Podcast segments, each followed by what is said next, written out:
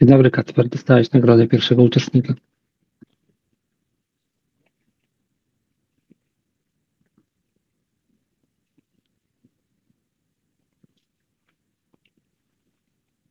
Dzień dobry wszystkim, e, krewnych i znajomych. Sebastian. Ogarnijmy technologię. Invite co-host.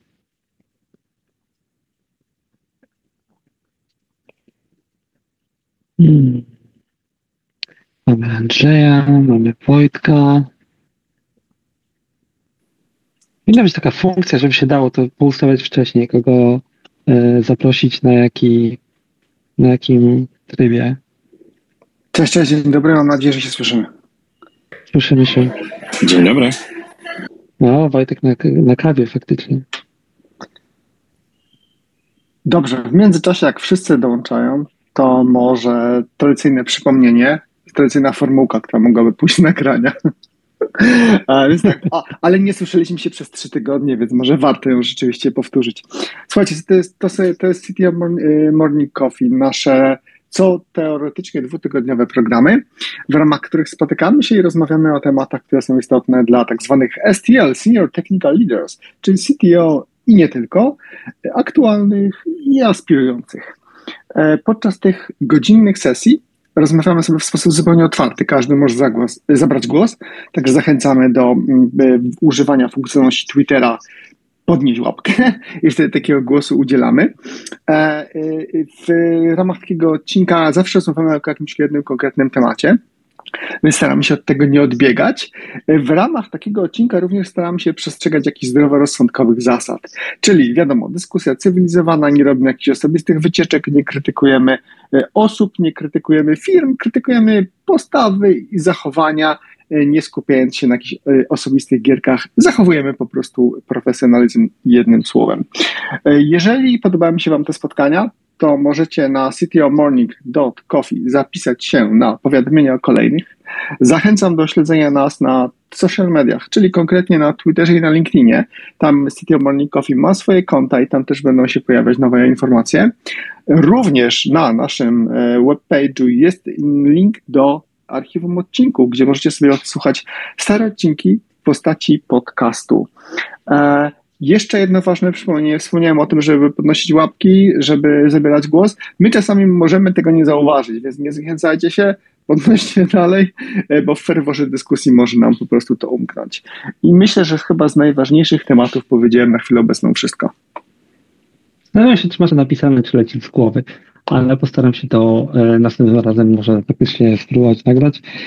Dzisiaj mamy gości. E, jest z nami Kuba i Andrzej ponieważ my możemy pytać o bezpieczeństwo, chłopaki coś wiedzą. Kuba, e, może powiedz dzień dobry. E, Kuba jest, ty jesteś w tej chwili, pracujesz w firmie produktowej? Cześć, tak. E, ja prowadzę zespół Product Security w firmie, dużej firmie produktowej. Nie nazywając firm, ale duża i śnieżna. Andrzej, e, jesteś z nami?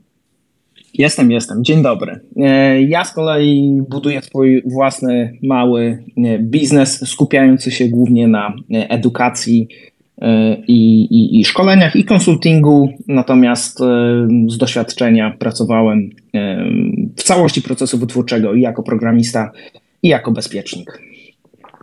Ja chłopaków znam, więc tylko powiem, że oczywiście są skromni, nie mają czasu, ale każdy z nich ma tam za pasem trochę lat i różnych funkcji. E, z Andrzejem Prywata możecie posłuchać jakiejś rozmowy na moim podcaście starym IT i to. E, polecam, bo jest ciekawa. No dobrze, e, to zaczynamy z kopytka. Panowie, przygotujcie się na listę pytań, bo mamy ją tutaj. I oczywiście, jak ktoś ze słuchających chce się włączyć, to jak najbardziej możecie zarówno dodać swoje rzeczy, jak i zapytać się Dobrze, tematem jest dzisiaj bezpieczeństwo, ale kontekst to e, nasz to Senior Technical Leadership. No to e, Andrzej, e, Kuba, co Senior Technical Leader powinien wiedzieć o bezpieczeństwie? Wszystko. u nas, u nas e, jest taki koncept w branży, który się nazywa e, Security Champions. E, I I to jest jeden ze sposobów na przesunięcie security trochę bardziej w lewo, w lewo na, na całym pipeline, całej, całej drodze SDLC, czyli procesu twórczego programowania. I bardzo dużo senior technical liderów w engineeringu e, wcześniej albo pracowało blisko, albo sami byli security championami.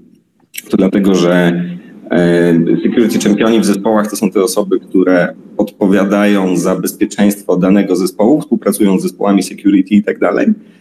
E, więc, więc bardzo często z takiej funkcji technicznego lidera później, później ta osoba przechodzi na senior leader. To jest jedna sprawa. A druga, którą chciałem dodać, to taki, taki frazes, ale bezpieczeństwo to nie jest jakaś osobna, e, osobna charakterystyka software'u. Bezpieczeństwo to jest quality. A w związku z tym, jeżeli e, technical leader dba o quality swojego software'u, to również dba o bezpieczeństwo. W skrócie. I ja tutaj dodam dokładnie to co, to, co Jakub powiedział. Bezpieczeństwo jest tylko jakąś składową i jest składową tutaj konkretnie jakości. E, każdy produkt, który ma dobrą jakość, będzie miał bezpieczeństwo na jakimś poziomie, bo nie jest to zero-jedynkowe. Nic nigdy nie będzie w 100% bezpieczne, to jest e, gradient i, I na bezpieczeństwo należy patrzeć po prostu jako na składową e, jakości, tak jak jest e, patrzone przykładowo Site Reliability Engineering. Oni w pewnym momencie zaczęli się marketować jako coś dodatkowego, nie jako osobna dziedzina i wyszli na tym bardzo dobrze. Więc ludzie no też, też powinni tak tutaj nauczyć się tej lekcji. E, no dobrze, to trochę, e, żeby nie było tak, przytoczyliście bardzo fajny świat idealny, nie? E, ale w szczególności do tego, co Andrzej powiedziałeś w tej chwili, że ludzie z security powinni się marketować jako osobna dziedzina. Dotąd to robiliśmy i to nie za bardzo do końca zadziałało, nie? Czyli jednak bezpieczeństwo jest postrzegane jako osobna funkcja, niekoniecznie zintegrowana z technologicznym procesem i tak dalej. Więc e, to teraz to, co powiedzieliście, ale praktycznie dla... Ja bym wbił tutaj szpilkę, Tomek, e, i bym powiedział, że czasami jest widziane nawet jako koszt w niektórych organizacjach. Taki, wiecie, czysty koszt, który trzeba ponieść, żeby coś wytworzyć. Ja się tutaj zgadzam i e, może, może nie, nieodpowiednio to wyraziłem. Chodzi mi o to, że właśnie bezpieczeństwo, bezpiecznicy powinni i, i ja widzę, że są te zmiany. To się łączy z tym, że Często gęsto teraz już e, ludzie, którzy e, przechodzą przez ścieżkę security championa, potem skakują do bezpieczeństwa, więc oni mają pewien background e, taki z procesu wytwórczego, więc trochę inaczej patrzą na to. Natomiast bezpieczeństwo powinno się marketować właśnie tak jak SRE, czyli jako pewna dostawka, żeby nie było widziane jako koszt, tylko jako część większej całości. Robimy to po to, żeby końcem końców potem mieć obniżony koszt wytwarzania nowych funkcjonalności i żebyśmy nie musieli myśleć o pewnych aspektach bezpieczeństwa, bo one się po prostu e, dzieją, a nie są taką dostawką, bo dopóki będzie widziane jako dostawka, jako taki dodatek, no to zawsze wtedy będzie widziane jako dodatkowy e, koszt, mhm. a nie coś, co nas, nas przyspiesza, przyspiesza działanie. Mhm. Co, jak jest widziany zespół bezpieczeństwa, bardzo często zależy od struktury organizacyjnej. I jeżeli zespół bezpieczeństwa jest osobno zawiązany gdzieś przy organizacji CIO, przy organizacji IT, jest osobną organizacją security, to wiadomo, to będzie postrzegane jako koszt, bo samo IT jest kosztem. E, ale w wielu organizacjach, zwłaszcza dojrzałych albo inaczej nowych organizacjach, zespoły security albo część zespołu security jest zawiązana w grupie engineering. No i to jest niesamowicie skuteczny argument za tym, że, że jednak security jest częścią tej inżynierii e, i wtedy nie jest bezpośrednio postrzegany jako koszt. Natomiast jeszcze e, takie triki, których można użyć do tego, żeby bardziej związać się z deweloperami i, i współpracować blisko z engineeringiem, to po prostu używać tych samych procesów. I, i Tutaj można to robić w wielu różnych aspektach. W aspektach narzędzi, przykładowo, żeby nie były to osobne narzędzia, tylko żeby te narzędzia integrowały się z istniejącymi narzędziami, których używają deweloperzy. E, no ale też procesy, tak? Na przykład nie ma sensu, żeby uruchamiać osobny proces follow-upów do incydentu bezpieczeństwa, jeżeli grupa engineering już ma swój własny proces tam retro albo RCA, root cause analysis i tak dalej. Integracja z tymi samymi procesami, które ma engineering, to jest bardzo skuteczne rozwiązanie. A, mnie korci, żeby się spytać, w ilu firmach to widziałeś, a, ale może e, nie spytam się.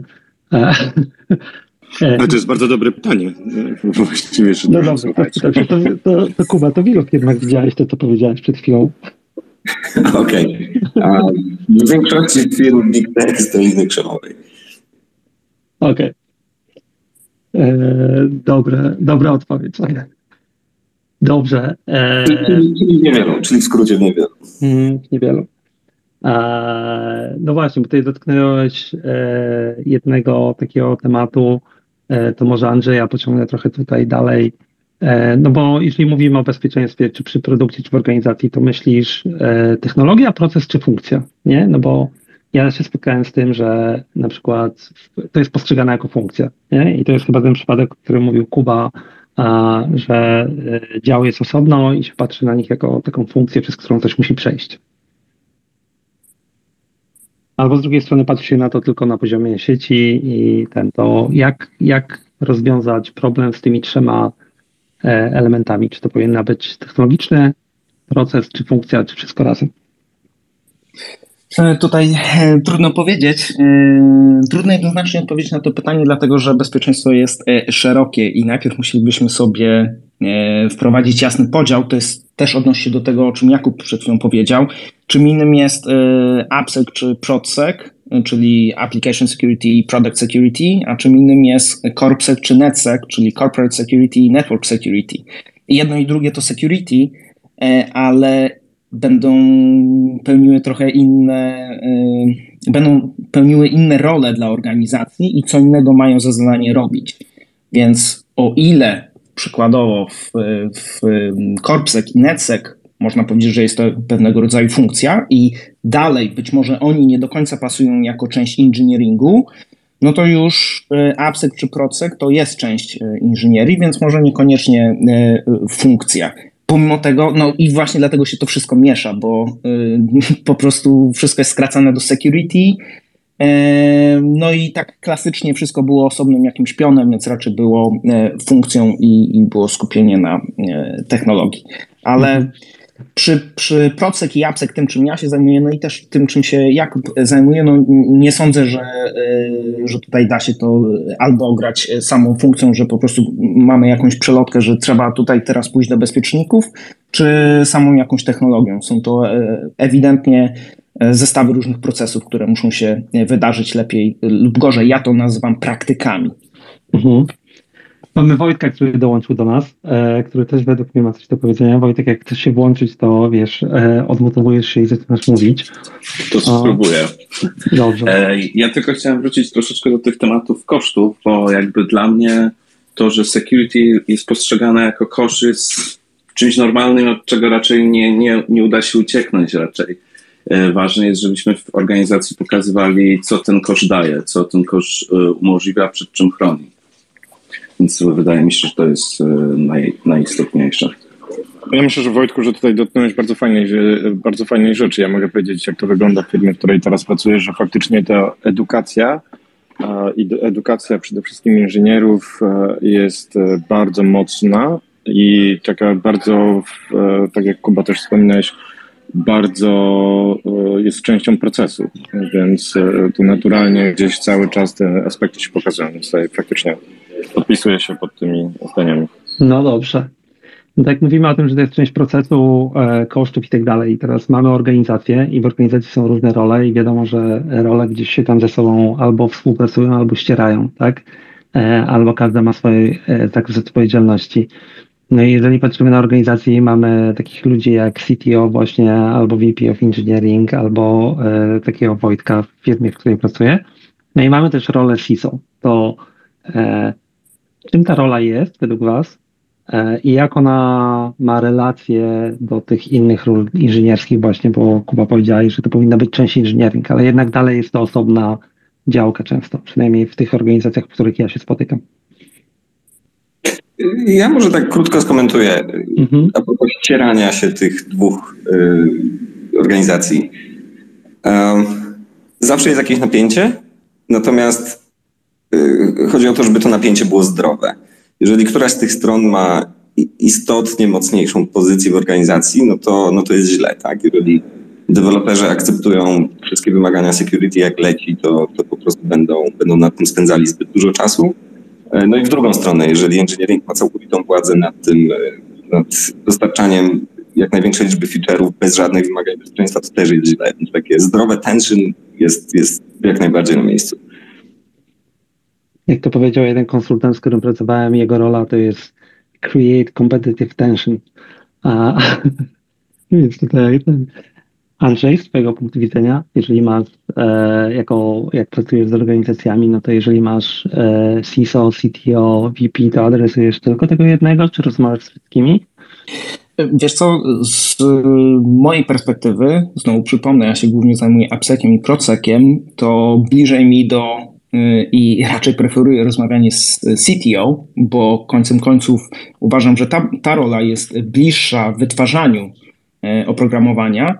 Y, dla mnie CISO y, tutaj nie gra pierwszych skrzypiec, y, bo rola CISO w organizacji jest obrona, organi jest obrona mm, organizacji, czyli bardziej wracając właśnie do tego corporate security i network security.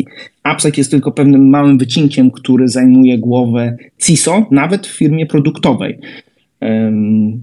Przynajmniej mm, tak to widzę. I nie spotkałem się na razie jeszcze z jakimiś e, exceptionami od tej, od tej reguły. Być może są i być może właśnie są to firmy Silicon Valley, ale pracując na naszym rynku raczej CISO zajmuje się tym swoim pionem, dlatego ja preferuję i wydaje mi się, że bliżej mi do e, rozmawiania, lepiej się rozumiemy z, e, CTO, czyli ludźmi z Mhm.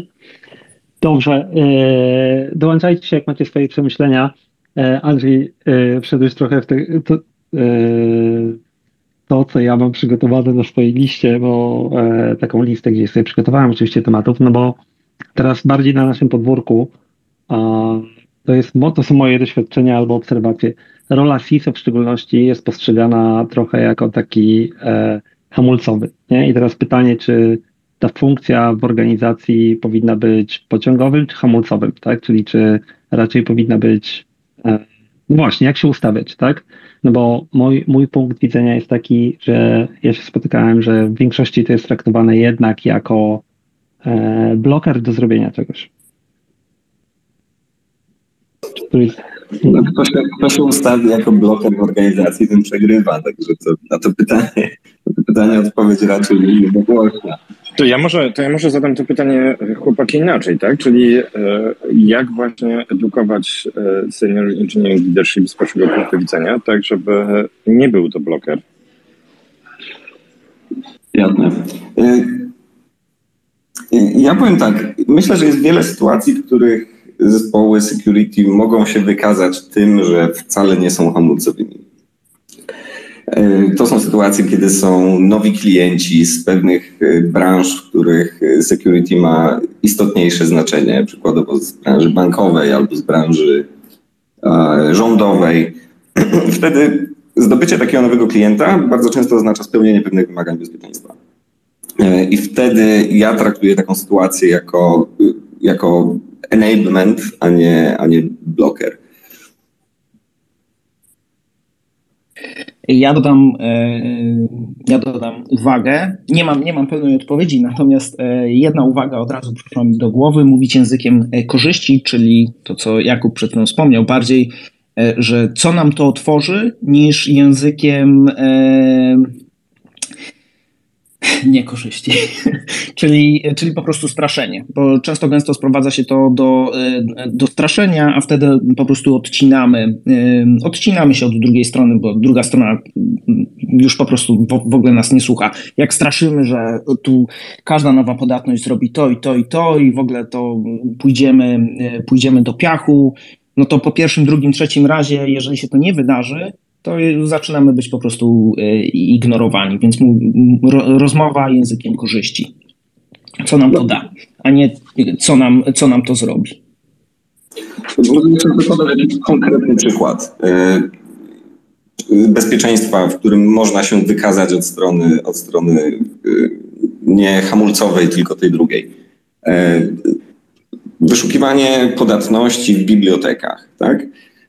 Można robić to skanerami ręcznie, i później zgłaszać podatności do zespołów inżynierskich, co trwa bardzo dużo czasu, e, identyfikować ownerów kodu, wyznaczać terminy na załatanie podatności i tak dalej. A można pójść trochę bardziej nowoczesną ścieżką, wpiąć się w te same procesy, których używa engineering, wpiąć się w pipeline e, na GitHubie albo w innym narzędziu i automatycznie wystawiać PR-y, które update'ują wersję danej biblioteki, tak? E, no to wtedy, wtedy na pewno będziemy bardziej postrzegani od strony, od strony tej, która pozwala na robienie więcej biznesu i przyspieszenie całego SDLC niż, niż od strony hamulcowej. Słuchajcie, a jak poznać, że tak naprawdę robimy wystarczająco dużo i nie za dużo, jeżeli chodzi o security? No bo e, łatwiej jest być świętszym od papieża. To jest akurat taka specyficzna rola, gdzie czasami e, to, że security robi dobrą robotę, to po pierwsze jest w ogóle totalnie niezauważalne. To jest jedna sytuacja. A czasami możemy mieć trochę szczęścia, ale nie tylko jest to związane ze szczęściem. I security w cudzysłowie może nie być nam potrzebne. Być może na przykład dlatego, że jesteśmy małą organizacją, jeszcze się nikt nami nie zainteresował, albo mamy taką specyficzną branżę, że te informacje nie są na tyle krytyczne i tak dalej. Jakimi tutaj pryncypiami czy modelami się kierować, tak żeby robić just enough, nie za dużo i nie za mało. Czy wy macie tu jakieś porady, sugestie?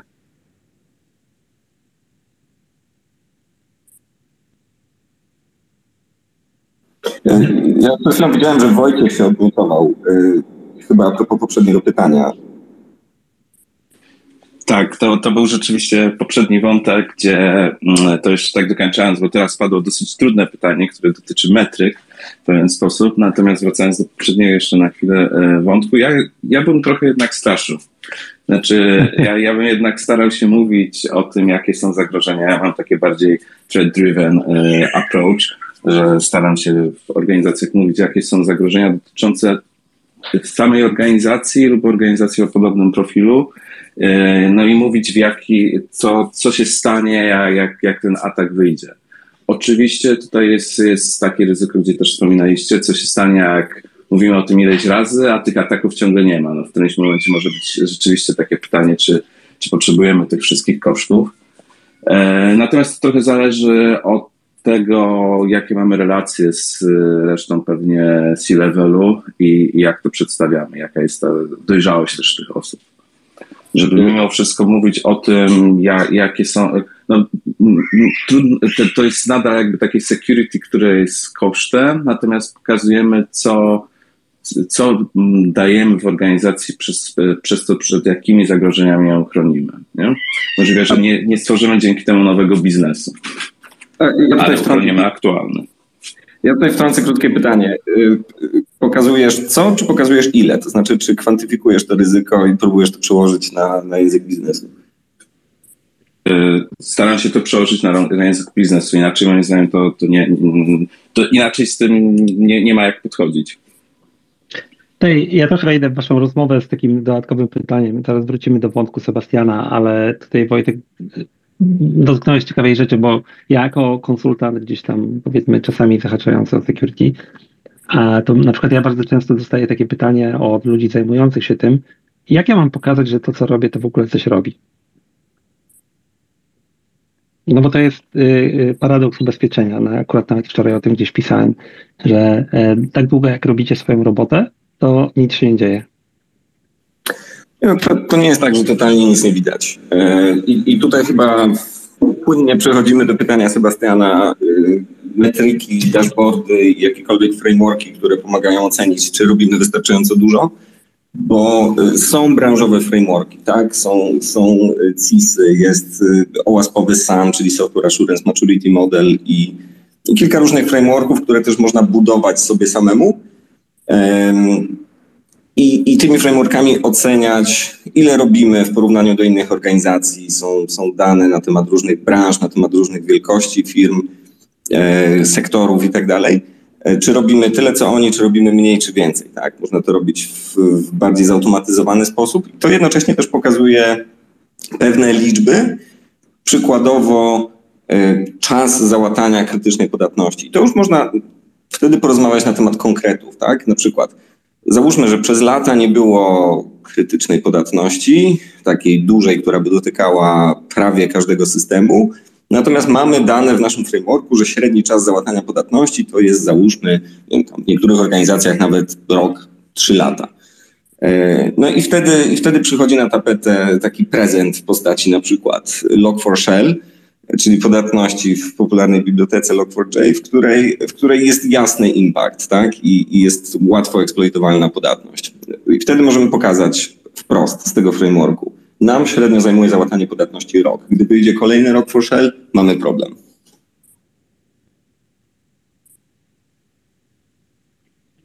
Krótko mówiąc, e, czas, no to jedna z metryk, tak? A e, Andrzej Wojtek E, Wojtek, ja wiem, że wy mieliście w jednej z organizacji proces jakoś tam ustawiony, no bo to jest tak jakby mocno e, organizacja, znaczy mocno metryka nastawiona na e, rzeczy typu płatności i tak dalej, a jak pokazać to, że robimy to na przykład w trakcie, nie? Czyli jeżeli tak jak Andrzej chyba wcześniej mówiłeś, że to musi być część procesu, Kuba też, to jak na przykład podejść do tego, że wiemy, że robimy to, co trzeba, ale w trakcie wytwarzania. To już konkretnie zależy od praktyki, e, o jakiej mówimy. Przykładowo mm, to się będzie trochę różnić dla FAST, czy dla DAST, czy, czy, czy dla innych, więc, więc zależne od praktyki. Natomiast tutaj, tak jak Kuba powiedział, są e, ewidentnie są różne dane, które możemy sobie wyciągać z tych praktyk i pokazywać je, że one się dzieją. Natomiast takim szerszym pytaniem jest, y, czy faktycznie e, same liczby nam powiedzą, że ma to wpływ. E, przykładowo ostatnio się widzieliśmy z Kubą na Confidence i mieliśmy krótką przecinkę o modelowaniu zagrożeń. Chyba nawet Wojtek też był w tej przecince. I, mm, i jak, je, jak, jak pokazać, że modelowanie e, zagrożeń jako proces faktycznie wpływa na zmniejszoną ilość podatności, które lądują w gotowym produkcie. No bo możemy mierzyć same sesje, że one się odbywają i przyrastają na modele zagrożeń i wszystko jest ok, ale jak jasno pokazać, że ma to przełożenie potem na końcową, na końcową zmniejszoną liczbę podatności, albo generalnie, że coś nam to w, w procesie usprawnia i no, na koniec dnia mamy, mamy mniejszy koszt. To są trudniejsze pytania, ja jeszcze na nie nie mam takiej dokładnej odpowiedzi. Też, też te procesy mierzę, ale jeszcze nie mam takiego jasnego połączenia do kosztów. Natomiast, e, żeby tutaj nie zostawiać takiej otwartej pętli, to dodam, że dużo łatwiej jest e, pokazywać wartość, znowu mówiąc o bezpieczeństwie jako części takiego szerszego procesu E, wytwarzania oprogramowania i procesu, który jest wypadkową jakości, czyli nie sprzedawanie samego bezpieczeństwa, że tyle, tyle i mamy podatności i, i je łatamy, tylko patrzeć też na nie jako po prostu zwykłe bugi. I bo każda podatność to jest też zwykły po prostu e, bug. I tak można um, też pokazywać, że po prostu szybkość, e, szybciej, szybciej naprawiamy różnego rodzaju błędy. Mm, no, ale mhm. temat, e, temat metryk generalnie jest, jest dość ciężki, tak jak Wojtek zauważył. Nie, nie, nie jest łatwe, żeby pokazać wartość dodaną bezpieczeństwa. Myślę, ale to tutaj trochę e, wejdę z takim pytaniem pomocniczym przy tematem, bo e, pytanie Sebastiana trochę było takie, skąd wiemy, że robimy NAV, tak? E, a, I nie wkładamy za dużo. Trochę skręciliśmy od razu w stronę metryk, bo wy wiecie, co mierzycie i tak dalej. No ale popatrzmy na z punktu widzenia takiej organizacji wiesz, która się rozwija i e, no, to był na przykład mały startup. Jest, że bezpie... Tak, tajemnicą Poliszynela jest, że bezpieczeństwo się adresuje na końcu, nie? I teraz e, ktoś musi zdecydować, że w ogóle zaczynamy w to inwestować. Przeważnie na początku tego nie robimy, nie? To jak z waszego punktu widzenia, jaka jest, jak, jaka jest, jak podejść do stwierdzenia, jaka inwestycja na początku jest wystarczająca? Na przykład. Nie? Czyli jestem w CTO w startupie, e, dotąd robiliśmy to, nie robiliśmy i tak dalej. E, no i teraz okej, okay, drapi się po głowie i myślę, coś muszę z tym zrobić. To, to jaki poziom na początek jest dobry? Ja przed momentem miałem powiedzieć, że czasy, w których przez rok, dwa lata zespół kilkudziesięciu programistów siedział nad softwarem i gdzieś na koniec być może robił testy bezpieczeństwa, minęły, bo teraz widać dosyć szybko, czy, czy dobrze zainwestowaliśmy w bezpieczeństwo, bo jeżeli jest, jest deployment co dwa tygodnie albo nawet częściej w niektórych firmach codziennie, wiele razy, to, to w sumie widać od razu, jeżeli pominęliśmy którąś z którąś z części procesu bezpieczeństwa, to, to być może dostajemy sygnały w postaci podatności, ale właśnie podałeś ten przykład, bo startup jest takim przykładem tutaj. Um, co, ja spotkałem się nawet z firmami bardziej zaawansowanymi, które wiesz, e, na przykład wchodząc w jakąś nową działkę, nie, e, no ktoś zadaje to pytanie i się orientują, ok, nie robimy nic, nie, i też nie wiedzą, ile powinni zrobić, żeby było dobrze. Aha. Prawda jest taka, wiadomo, każdy bardziej związany z bezpieczeństwem, ktoś, kto kocha tą dziedzinę, powie od razu. Tak, im wcześniej, tym lepiej. Natomiast prawda jest taka, że w takim naturalnym cyklu startupów, startupy najpierw budują jakąkolwiek wartość, żeby pokazać tą wartość inwestorom, później, żeby zacząć sprzedawać y, tą usługę czy produkt do pierwszych klientów, być może muszą zacząć spełniać pewne podstawowe normy, jakieś tam ISO, i, tak dalej. I zazwyczaj wtedy zawiązuje się pierwsza, pierwsza funkcja bezpieczeństwa i to jest właśnie CorpSec, NetSec czy Global Security, o którym mówił Andrzej. I, I, to jest zazwyczaj moment, w którym zatrudnia się kogoś, kto docelowo będzie CISO. Natomiast problemy AppSecowe czy, czy Product Security zazwyczaj rozwiązuje się dopiero później. Natomiast najczęściej w takim startupie pojawiają się osoby, które, które rozumieją, które były już w branży wystarczająco dużo i rozumieją to, że bezpieczeństwo to jest tak naprawdę quality. No i w quality trzeba, znaczy trzeba, można już inwestować od samego początku i, i zazwyczaj jeżeli w, tutaj nie mówiąc już o bezpieczeństwie, tylko mówiąc o quality, jeżeli w quality zainwestuje się od samego początku w dobry design, dobrą architekturę, bo wiadomo, architekturę jest najtrudniej później zmienić, e, później zmienić, to, to wtedy też pojawiają się pierwsze inwestycje w bezpieczeństwo, w, w secure design rozwiązania, w dobry układ ról, uprawnień itd. Tak Kuba, pociągnę cię trochę za język, ale Andrzej albo Wojtek, jak chcecie, to wskoczcie, bo tutaj dotknąłeś fajnej rzeczy. E, może, możemy teraz zagrać roleplay taki, e, ty tam przy swoich e, e, rzeczach odnośnie threat modeling czasami takie robiłeś, ale bo powiedziałeś, że w zespole przeważnie jest osoba, która e, gdzieś coś to robiła, dotknęła i tak dalej, nie? I teraz, jeżeli masz taki zespół, albo wchodzisz nawet w większy zespół, widzisz, że nie jest robione cokolwiek, e, nie chcesz być tym doomsday, który przychodzi i mówi, słuchajcie, jutro niebo zapali się mną na głowę, to jakbyś podszedł do tego, żeby wprowadzić ten temat na agendę?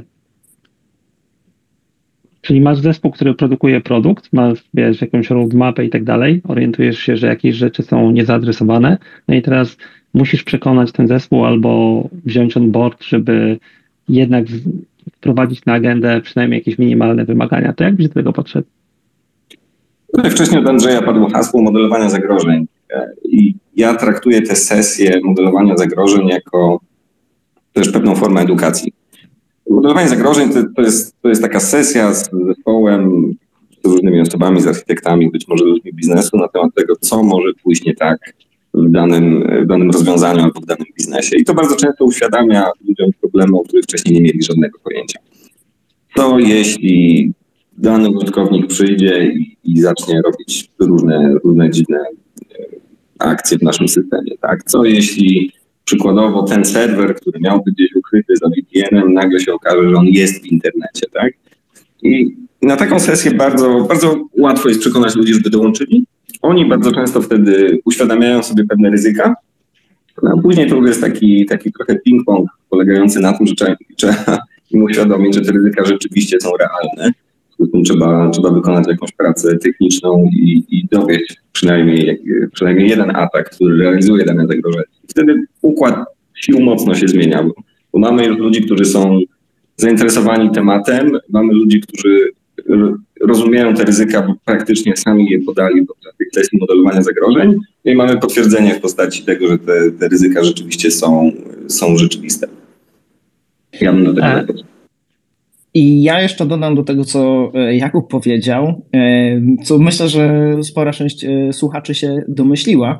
W takim wypadku tą osobą, która wprowadza to bezpieczeństwo do zespołu czy do organizacji, raczej powinna być osoba, która ma mm, może niekoniecznie talent, ale chociażby jakieś predyspozycje, e, posiada umiejętności miękkie, potrafi rozmawiać i potrafi rozmawiać, bo to, to, jest po prostu ważne, żeby rozpocząć i potem umieć kontynuować ten dialog, szczególnie jeżeli chcemy przekonać tą drugą stronę. E, często, gęsto e, bezpiecznicy mają z tym problem i wydaje mi się, że raczej to wynika z takiej własnej jakiejś decyzji, że nie chcę rozmawiać i ja wiem lepiej, niż z nieumiejętności. Po prostu nie chcą rozwijać tych umiejętności miękkich. A one są ważne, żeby przekonać zespół, e, szczególnie właśnie techniczny, zespół czy, czy, czy organizację do, do, do, jakiejś, no, do jakiejś wizji. Mhm.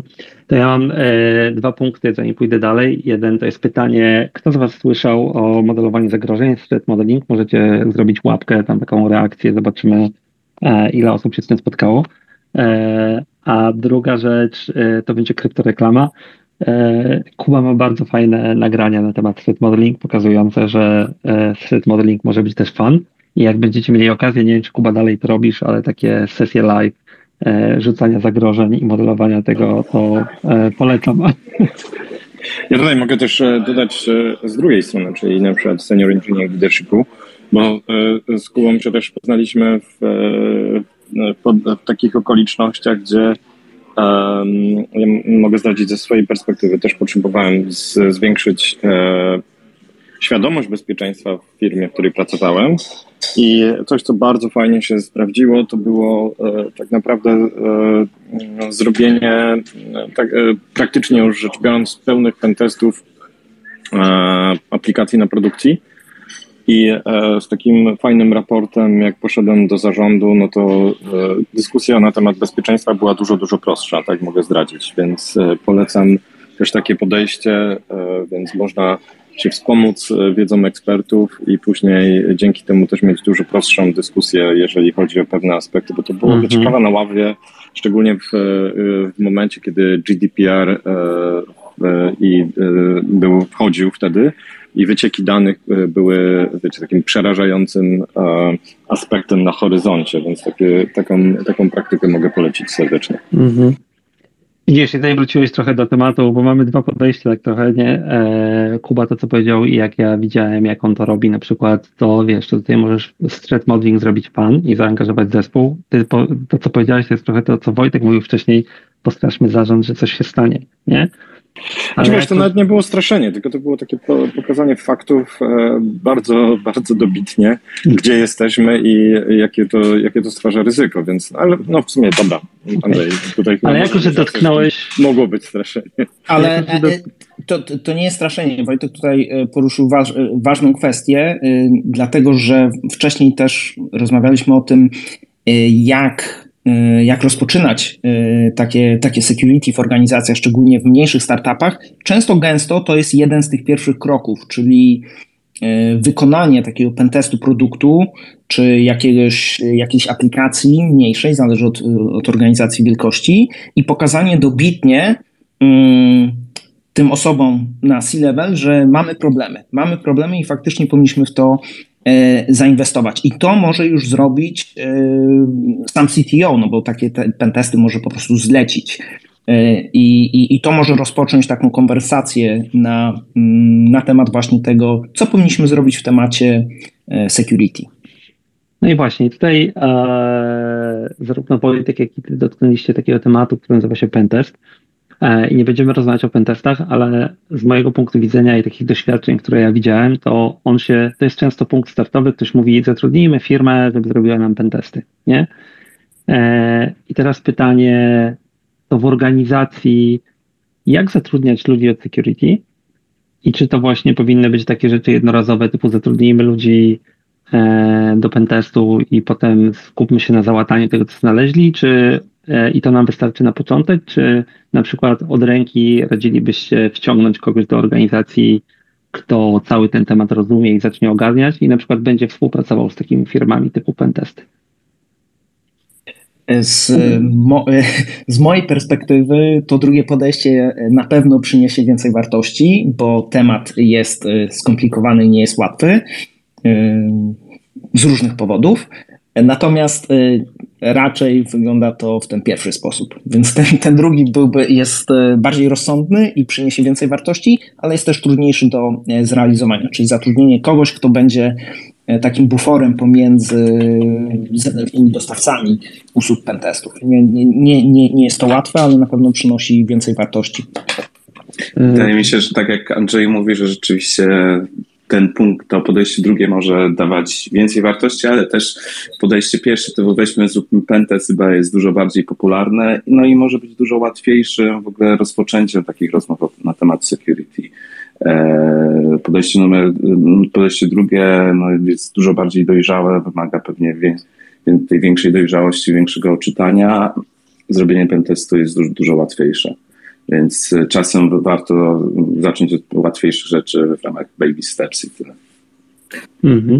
Ja mogę dodać, jak, jak, to, jak to się zmieniało na przestrzeni lat, bo 10-15 lat temu, zwłaszcza w Polsce fajnie to widać, w Polsce jest mało firm produktowych, jest więcej usług, jest dużo banków. Nie, tak naprawdę w Polsce banki to były pierwsze firmy, które, które zatrudniały na początku zewnętrznych pentesterów 10-15 lat temu. Tak wyrosło dużo firm konsultingowych w Polsce. Później 10 lat temu te firmy zaczęły zatrudniać swoich wewnętrznych pentesterów, no a teraz widzimy w dojrzałych firmach takie podejście, że pentesterów w całym zespole security jest, jest niewiele i chyba też do tego dążymy, bo jak sobie popatrzymy na engineering, to funkcji walidujących jakość produktu, czyli, czyli QA, czyli, czyli testerzy i tak dalej, no jest kilka procent całej, całej organizacji, tak? Większość jest skupiona na, na designie i na implementacji, a walidacją tego, czy to działa, zajmuje się mniejsza liczba osób. I do tego też moim zdaniem dąży branża security. Więc jeżeli ktoś jest w stanie, i, i jeszcze tutaj zgadzam się i z Andrzejem i Wojtkiem, że, że drugie podejście zazwyczaj będzie long term bardziej opłacalne. Więc jeżeli ktoś jest w stanie przyjść do organizacji, która nie ma ani pentesterów, ani zewnętrznych pentesterów, ani wewnętrznych y, ludzi od bezpieczeństwa, security inżynierów, jest w stanie przekonać organizację do tego, że żeby od razu pójść tą drogą long term, to jest dobrym bezpiecznikiem. Mhm. Wiesz co, e, i tutaj mam taki problem według mnie trochę, że jak jesteśmy taką organizacją, która jeszcze tego nie ma, nie? czyli jesteśmy albo małym startupem, albo według mnie to nie dotyczy tylko małych startupów, ale też takich średnich firm, nawet, nawet produktowych,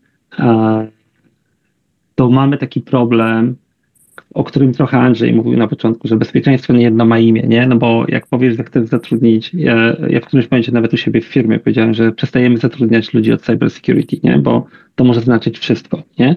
Ale jak zaczniesz szukać człowieka od bezpieczeństwa, to znajdziesz ludzi od procesów, znajdziesz ludzi od szczególnych działek, znajdziesz pentesterów i tak dalej, i tak dalej. No i pytanie jest do was takie, e, jak, jak określić, kogo potrzebujemy tak naprawdę, na jakie umiejętności patrzeć, a kogo nie potrzebujemy. Jak z Waszego punktu widzenia taka organizacja, czy CTO, czy, czy osoba odpowiedzialna, za engineering może podejść do zweryfikowania takiej osoby, tak? E, czyli krótko mówiąc, jak zatrudnić kogoś związanego z bezpieczeństwem, jeżeli nie wiemy jeszcze, kogo zatrudniamy? Albo na czym się skupić też wtedy na początku. Z mojej strony e, takimi dobrymi markerami jest spojrzenie po prostu na doświadczenie tej osoby. Nie chodzi mi tutaj o ilość lat, chociaż to też ma znaczenie, natomiast e, pewną różnorodność rol i czy ona pasuje do tego, co e, do, do tego, do czego potrzebujemy bezpiecznika w naszej organizacji, do naszego kontekstu. Przykładowo, jeżeli chcemy zatrudnić kogoś, kto będzie nam kierował zespołem Product Security, no to fajnie byłoby mieć kogoś, kto miał jakieś doświadczenie z y, pisaniem kodu. Y, nie jest to konieczne, ale jest to jakiś dodatkowy marker, który może ułatwić y, wybór odpowiedniej osoby. Natomiast sama sprawa generalnie jest trudna, bo rozstrzał jest naprawdę, naprawdę duży i nie ma takiej checklisty, która spełniłaby tutaj swoją funkcję. Przykładowo, na pewno nie należałoby patrzeć przez inwersję możemy tutaj pójść, nie należałoby patrzeć na przykład na takie markery jak certyfikaty, bo ktoś może mieć dużo certyfikatów i po prostu być dobrym w zdobywaniu certyfikatów. E, a ktoś może nie mieć certyfikatów i być dobrym w wciągnięciu zespołu Product Security. Więc niestety y, certyfikaty są tutaj y, raczej szumem niż sygnałem. E, raczej, raczej trzeba patrzeć na doświadczenie i przy rozmowie, czy rozumie ten aspekt y, inżynierii. Znowu, jeżeli mówimy o AppSec i ProdSec, to czy, czy rozumie ten proces, sam, sam, samo IT, sam, sam tech, sam, sam po prostu proces budowania software'u, no to to na pewno jest wymagane. Przykładowo powinna rozumieć proces SDLC. To Andrzej, tutaj kontynuując to co, to, co mówisz, to moje pytanie jest takie, na przykład, yy, ok, yy, wiecie, mam zespół, załóżmy 20, 40, 50 programistów i yy, mam zapewne jakiegoś CloudOpsa, SysOpsa, DevOpsa, zwał jak zwał. Tutaj oczywiście z szacunkiem do, do osób, to chodzi mi bardziej o nazwę roli. I pytanie moje do Was jest takie, no na przykład nie mogę znaleźć, albo nie stać mnie, żeby znaleźć, albo nie mam może potrzeby na taką osobę full-time w zespole. E, to moje pytanie do Was jest takie, czy i jak upskillować, czyli w jaki sposób edukować, trenować osoby, które są bliskie y, tej infrastruktury, szczególnie tej cloudowej na przykład. E, I w takim razie, jeżeli tak, to jak to robić? Kuba, może było bardzo odważne przeprowadzać wewnętrzną edukację i prowadzić tak naprawdę program czegoś, co brzmi jak Security Champions bez żadnej osoby wewnętrznie, która zajmuje się bezpieczeństwem. Natomiast jest opcji multum, można, można rozpocząć od zewnętrznych konsultantów, od szkoleń, można y, mieć, są takie laby, w których dla DevOpsów albo dla programistów są przygotowane pewne zadania związane z security i tam są takie elementy gamification, żeby, żeby cała ta edukacja też sprawiała pewien fun. Natomiast chyba bym się obawiał robić to tak całkowicie bez e, długoterminowej wizji i strategii, którą powinna dostarczyć ta osoba odpowiedzialna za bezpieczeństwo w organizacji. Andrzej, bo ja tutaj chętnie pociągnę ten wątek. Wojteku? E, e, tak, ja to przysz, przyszły mi tylko, sorry Andrzej, że ci tak wyjdę słowo, przyszły mi dwie rzeczy do głowy. Po pierwsze, e, z moich doświadczeń wśród tych powiedzmy 40 deweloperów może się okazać, że kilku ma już jak, jakąś taką zajawkę bezpieczeństwa i różne platformy, o których Kuba tutaj wspominał, typu Hack the Boxy, Try Hack Me, które możemy jakby dostarczyć, mogą pomóc w znalezieniu tych tych ludzi. E, wydaje mi się, że rozmowa z zespołem, jakie oni widzą zagrożenia, e, tak właśnie tutaj wcześniej wspomnianym e, modelingu, też może pomóc znaleźć osoby, które mają odpowiedni mindset. Natomiast tu trudno się nie zgodzić z Kubą, że no może się okazać, że takich osób nie mamy, albo mamy, mamy problem, z, żeby pomóc im w rozwoju. Więc tu bez zewnętrznej pomocy może być ciężkawo. Ja trochę skontruję, bo wspomnieliście o pewnej analogii do QA swego czasu, a są bardzo duże organizacje, dosłownie tysiące inżynierów, gdzie nie ma QA, gdzie właśnie quality jest tematem wszystkich i tylko jest to w odpowiedni sposób zewnętrznie weryfikowane. To Mogę powiedzieć, potwierdzam. To czy analogicznie nie można byłoby zrobić organizacji, w której nie ma security, czyli security jest problemem wszystkich, natomiast to, czym powiedział bodajże Kuba, czyli tam ogólnie strategia i ogólnie jakość, jest właśnie weryfikowana regularnymi audytami. I audyty tworzą pewnego rodzaju pętlę feedbackową i mówią tak naprawdę tym ludziom, tym zespołom, czego im brakuje, czego się mają douczyć, na czym się mają skoncentrować. Czy, czy taki model według Was ma szansę bytu? E, jest mm. racjonalny i czy widzieliście taki model w praktyce? E, powiem tak, e, nie widziałem, ale to jest e, pewnego rodzaju ideał, do którego się dąży, tylko tutaj ja widzę ten problem, że dalej musiałoby być i to do tego, co to trochę nawiązuje do tego, o, o, co pytał Wojtek, dalej musiałaby być taka osoba, która tą wizję niejako najpierw wyznaczyła, a potem ją nałożyła na daną organizację. Potem ta osoba albo rola, albo zespół może powiedzmy zniknąć i to będzie działać przez jakiś czas, no i potem przechodzi to w ręce tych audytów, które weryfikują, czy dalej jesteśmy, czy dalej jesteśmy w tych ramach, w których wcześniej sobie założyliśmy, no ale dalej najpierw ktoś musiałby coś takiego mm, rozpocząć, przy czym tutaj z mojej strony ja bym dodał, że ja lubię mówić, że bezpieczeństwo jest częścią jakości, bo jest. Natomiast przynajmniej jeszcze na chwilę obecną jest trochę bardziej skomplikowane niż,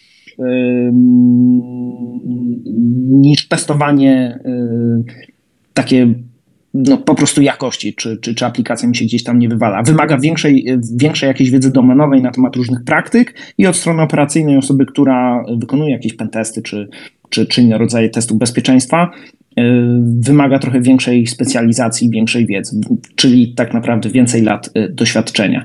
A więc idealnie dałoby się tak zrobić i fajnie, gdyby tak było i zakładam, że w dużych, naprawdę dużych organizacjach być może nawet tak jest, ale ja tego nie widziałem i no, ja jeszcze tego nie widziałem. E, ja powiem tak, nie można, nie, nie jest wykonalne, żeby testować wszystko i audytować na koniec wszystko to, co tworzą deweloperzy. To po prostu będzie kosztowało za dużo. Więc trzeba mieć jakiś mechanizm, który zdefiniuje, kiedy testujemy i co testujemy. Tak? Być może takim mechanizmem jest modelowanie zagrożeń. To jest coś, co, co my robimy w organizacji. I modelowanie zagrożeń wskazuje najbardziej krytyczne elementy systemu i w tych punktach uruchamiamy pewien zestaw akcji. Tak? Jednym z nich na koniec być może jest pentest y, czy, czy audyt. Natomiast to, co do tego, czy by to działało, my poniekąd do tego trochę dążymy. To znaczy, jednym z naszych, my w ogóle z, i z leadershipem, i z inżynierami rozmawiamy takim językiem pewnych y, pryncypiów, principles, e, na temat tego, co w ogóle powinno się dziać w organizacji. Jeden z takich principles jest to, że high quality code is secure code, czyli, czyli kod wysokiej jakości jest bezpieczny. Tutaj wracamy do rozmowy, że bezpieczeństwo jest częścią quality. W związku z czym deweloperom też jednocześnie zależy, żeby, powinno zależeć, żeby ich kod był bezpieczny, bo to jest, bo to jest jakąś, jakimś wyznacznikiem tego, że, e, że, kod, że kod jest wysokiej jakości, plus, plus to, że oni są ownerami tego, tego ryzyka. Tak? To jest jeden z drugich naszych principles, czyli engineers own security. No i w takim zestawie, y, w takim y, układzie, jeżeli mamy jakiś proces, przykładowo modelowanie zagrożeń, który pokazuje kluczowe elementy systemu, pokazuje kluczowe ryzyka, można wtedy rzeczywiście punktowo odpalać pentest i weryfikować, czy idziemy w dobrą stronę i, i, i wtedy minimalnie korzystać z zespołu security. I, I jeszcze tak szybko na koniec, żeby, nie, żeby tutaj nie zajmować zbyt dużo czasu. Program Security Champions, o którym wspominałem, czyli, czyli takiej funkcji bezpieczeństwa realizowanej przez jednego z inżynierów zespołu, docelowo, jeżeli tak się zastanowić, do czego to dąży, dąży to do tego, żeby tak naprawdę każdy inżynier był security championem w swoim zespole. Więc poniekąd być może ta wizja jest realizowalna. To ja tutaj gładko wejdę, jeszcze kontynuując ten wątek, słuchajcie, szczególnie dla mniejszych organizacji. Załóżmy, że właśnie e, startuję, e, czy wystartowałem jakiś produkt, mam kilkadziesiąt osób w swojej firmie. Mm, jestem e, zapewne użytkownikiem chmury od któregoś vendora i moje pytanie do Was jest takie. Co warto, co byście polecili, żeby koniecznie skorzystać z produktów vendorów, a co na pewno warto zachować in-house? Jeżeli chodzi o warstwę bezpieczeństwa. Może zacznę, Wojtek, od ciebie. Puch, e, dobre pytanie. Wydaje mi się, że znaczy, jeżeli jesteś w środowisku cloudowym, no to jest po prostu już dosyć sporo produktów, które mają spojrzeć na całe cloud maturity. I w ażurowej chmurze aktualnie to jest choćby Defender for, e, Microsoft Defender for Cloud który ma pomóc w znalezieniu wszystkich misconfiguration, które mamy. I trochę nie wyobrażam sobie tego robić własnymi rękoma. Więc yy, natomiast od strony produktu, czy, czy chcemy pisać własne skanery, wydaje mi się, że to też może być yy, trudna droga, bazując na moich doświadczeniach. Yy, więc tu jest kilka produktów, które po prostu chyba lepiej kupić. To, to może ja rozszerzę tutaj też to pytanie mm. i e, Kuba Janży też Was poproszę o komentarz. E, też e, chodzi mi o rolę i funkcje w, w zespole, tak? Które, więc produkty, role i funkcje, które warto zachować właśnie wewnątrz firmy, a które warto zoutsourcować wtedy. Kuba, może Ciebie poproszę. To moim zdaniem to bardzo zależy od etapu rozwoju danej organizacji i tutaj mam na myśli kontekst dojrzałości pod kątem bezpieczeństwa. Ja, ja to obserwuję w branży i, wspomniałem o tych bankach, które 10-15 lat temu zaczęły zatrudniać zewnętrznych pentesterów, z 10 lat temu zaczęły e, zatrudniać swoje własne zespoły i teraz widzę gdzieś od 5 lat, że, że banki zaczynają inwestować w swoje wewnętrzne zespoły e, inżynierów bezpieczeństwa. Na pewno najprościej na zewnątrz jest e, wyoutsourcować walidację, czyli pentesty, audyty, i, i tego typu rzeczy. Co jest trudno wyoutsourcować? Te funkcje, które wymagają ciągłego kontaktu e, z inżynierią, czyli zazwyczaj będzie to edukacja, modelowanie zagrożeń. Tutaj jeszcze się cały czas bacham nad odpowiedzią. E, na pewno, na pewno te funkcje, których trzeba bardzo często utrzymywać kontakt z deweloperami, konsultować rozwiązania, czyli, czyli security reviews i tak dalej, to warto trzymać in-house. Dobrze. E, czas nam się kończy. E, my tu mamy gorącą debatę, o, które z kilkudziesięciu pytań mam jeszcze zadać, ale mamy pięć minut, więc krótką, to teraz takie trochę inne jak mówimy o technologii nie, i o to ogólnie cały czas mamy coś nowego, nie? czyli mamy nowe technologie, nowe wektory ataku, mamy nowe zależności, ktoś wymyśli coś nowego i tak dalej. Nie? I teraz pytanie, czy w praktyce da się to ogarnąć, to wszystko, co się e, dzieje, czy da się patrzeć na te wszystkie zmiany i dostosowywać cały czas firmę do tego, czy raczej trzeba się skupić na tym, żeby jakiś tam baseline zatrzymać, czyli czy przy tych wszystkich zmianach i szybkości, jak to się rusza, to to jest realne, żeby nadążyć za tym, czy to jest wishful thinking? Krótka opinia e, każdego z Was. Dobra, to kró krótka opinia. Wiesz co, y, tak, y, wszystko się rusza bardzo szybko, y, natomiast to jest podobnie jak przy inżynierii oprogramowania i ogólnie IT. Wszystko rusza się bardzo szybko, natomiast fundamenty są niezmienne. I tak samo jak pewne fundamenty powstały w latach 70., 80. i do tej pory z nich korzystamy, pewne paradygmy, tak samo w bezpieczeństwie też są pewne paradygmy, które powstały lata temu i one dalej się przewijają. Po prostu jeżeli zrobimy, jeżeli zadbamy o te fundamenty, to te nowe rzeczy, ryzyko z nimi związane jest mocno, mocno, mocno obniżone. Więc tutaj wracamy do tego straszenia, że jeżeli chcemy postraszyć, to jednak, i ja zakładam, że Wojtek tak raczej straszy w ten sposób, że nie jest to takie wishful thinking, tylko faktycznie jest to gdzieś przełożone na jakieś prawdopodobieństwo, na na to, co może się faktycznie wydarzyć, no bo to jest końcem końców ryzyko, jakieś, jakieś prawdopodobieństwo. Więc jeżeli mamy fundamenty i zadbamy o fundamenty, e, o fundamentalne pryncypia i zasady bezpieczeństwa, to te wszystkie nowe rzeczy i ryzyko z nimi związane jest po prostu mocno, mocno, mocno e, obniżone. Trochę nie wiem, czy chciałbym zostać zapamiętany z tej, z tej rozmowy jako Wojtek, który straszy. E, tutaj bardziej mi mówi, że pokazywać, jak, jak wygląda taki tre, tre. E, natomiast te fundamenty, o których e, tutaj wspomniał Andrzej, wydaje mi się, że takie rzeczy jak e, jakiekolwiek MFA, backupy, jakikolwiek patch management są takimi rzeczami, które są dosyć uniwersalne i, i jak patrzymy na, na różne konkretne sposoby, którzy, którzy atakują, e, atakujący stosują, no to jakieś gro, choćby takimi prostszymi podejściami, fundamentami, jak to wspominał Andrzej, powstrzymane. Więc wydaje mi się, że to jest dobre rozwiązanie. No to jak krótko dodam, że jeżeli e, ktoś chce, jeżeli ktoś, celem danej osoby jest uzyskanie stuprocentowego bezpieczeństwa, zabezpieczenie się przed wszystkimi bieżącymi atakami i tak dalej, to jest skazany na porażkę, także udział w wyścigu trzeba brać proporcjonalnie do, do możliwości, do budżetu. E, być może jest to utrzymywanie tylko jakiegoś baseline'u, natomiast no nie ma żadnej firmy, która jest w 100% bezpieczna. Dobrze. E, czas się kończy, będziemy zabijać, ale mam jedno e, pytanie, które muszę zadać. E, możecie odpowiedzieć, macie 15 sekund na odpowiedź, możemy ustalić. ludzie straszą Generative AI, że zacznie hakować masowo banki, nie wiem, wymyślać exploity i tak dalej. Generative AI, security, co o tym myślicie?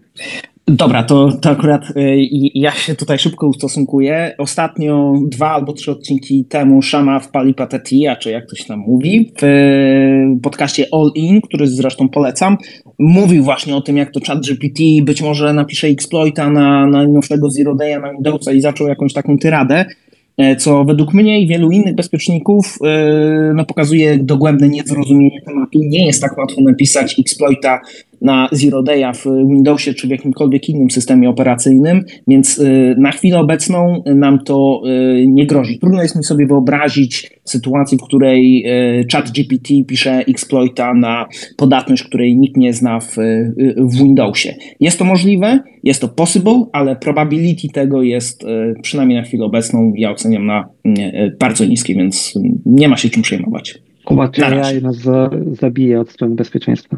Ja, ja, mam, ja mam może nie przeciwne zdanie, natomiast widziałem na tyle dużo exploitów, które są proste. Nadal mamy w security zero day krytyczne, które polegają na dodaniu odpowiedniego fragmentu w headerze żądania, że y, LLM, który sobie przeczyta dokumentację i znajdzie w niej dziurę, to jest coś, co jest całkowicie realne. Natomiast y, ja bym się zastanawiał nad czym innym, bo, bo my musimy myśleć też nad przyszłością. Jak użyć LLM-ów do tego, żeby robić bezpieczeństwo. To jest super ciekawy temat e, i, i myślę, że tutaj dużo. Wojtek? Wydaje, wydaje mi się, że to będzie wsparcie dla obu stron, zarówno dla atakujących, jak i broniących, na takiej zasadzie właśnie wsparcia. Jeżeli atakujący ma do przejrzenia ileś systemów, to możliwe, że ChatGPT podobne będzie ułatwiać mu e, znalezienie systemów, nad którymi warto się e, zastanowić. Z drugiej strony, jako obrońca, ja widzę duży potencjał w takim elemencie, że jest jakiś incydent i jakieś AI dostarcza dodatkowy enrichment do tego incydentu. Microsoft próbuje to poletkę zająć Security Copilota. Copilot, tak. No właśnie, więc wydaje mi się, że to jest fajne rozwiązanie, że z obie strony będą korzystały z tego rozwiązania. Dobrze, panowie. Dziękuję Wam bardzo za udział. Dziękuję wszystkim za wysłuchanie. E, tak jak mówię, lista była dłuższa. Może kiedyś zrobimy dogrywkę nawet na jeden konkretny temat, e, który miałem tam gdzieś na liście. E, a dzisiaj naprawdę bardzo dziękuję za to, a, że uczestniczyliście. Ja ze swojej strony na koniec jeden komentarz. Bezpieczeństwo i deweloperzy, jak ja to mówię, give a hack. Nie? E, zacznijcie się przytulać i tam nie odstraszać od siebie i będzie lepiej. Dzięki jeszcze raz i e, super było Was gościć u nas. Dziękujemy bardzo. Dzięki bardzo za udział. Dzięki, trzymajcie się. Cześć. Cześć, cześć. Do usłyszenia.